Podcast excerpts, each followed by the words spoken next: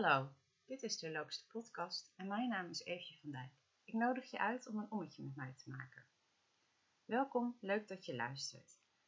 Gisteren heb ik het onderwerp al een klein beetje aangetipt in mijn zoektocht naar hoe gaan we onszelf, of meer, hoe ga ik mijzelf een beetje oppeppen. Niet dat dat per se hoeft natuurlijk in de maand december, maar je dagen down doorbrengen is natuurlijk ook niet je van het. En een van de dingen die je daarbij kan doen is natuurlijk stilstaan bij de dingen waar je dankbaar voor bent. Bij de dingen, bij de mensen, bij de situaties. De lichtpuntjes vinden.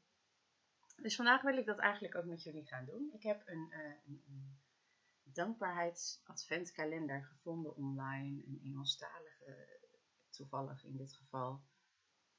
En wat ik ga doen, het heeft 24 dagen, 25 is eigenlijk gewoon vier het leven, vier, vier dingen samen met je familie en vrienden.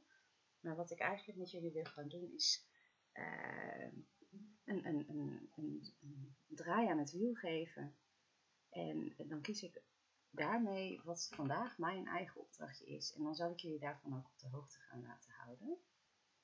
Nou, daar gaan we. Dus als je het geluid hoort van een, een ronddraaiend wiel, dan klopt dat. Ik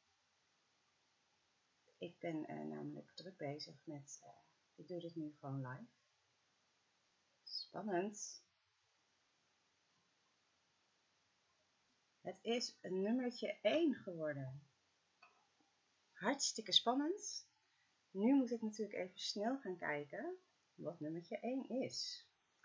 Daar staat bij, schrijf een bedankbriefje aan iemand in het bijzonder. Iemand, een speciaal iemand.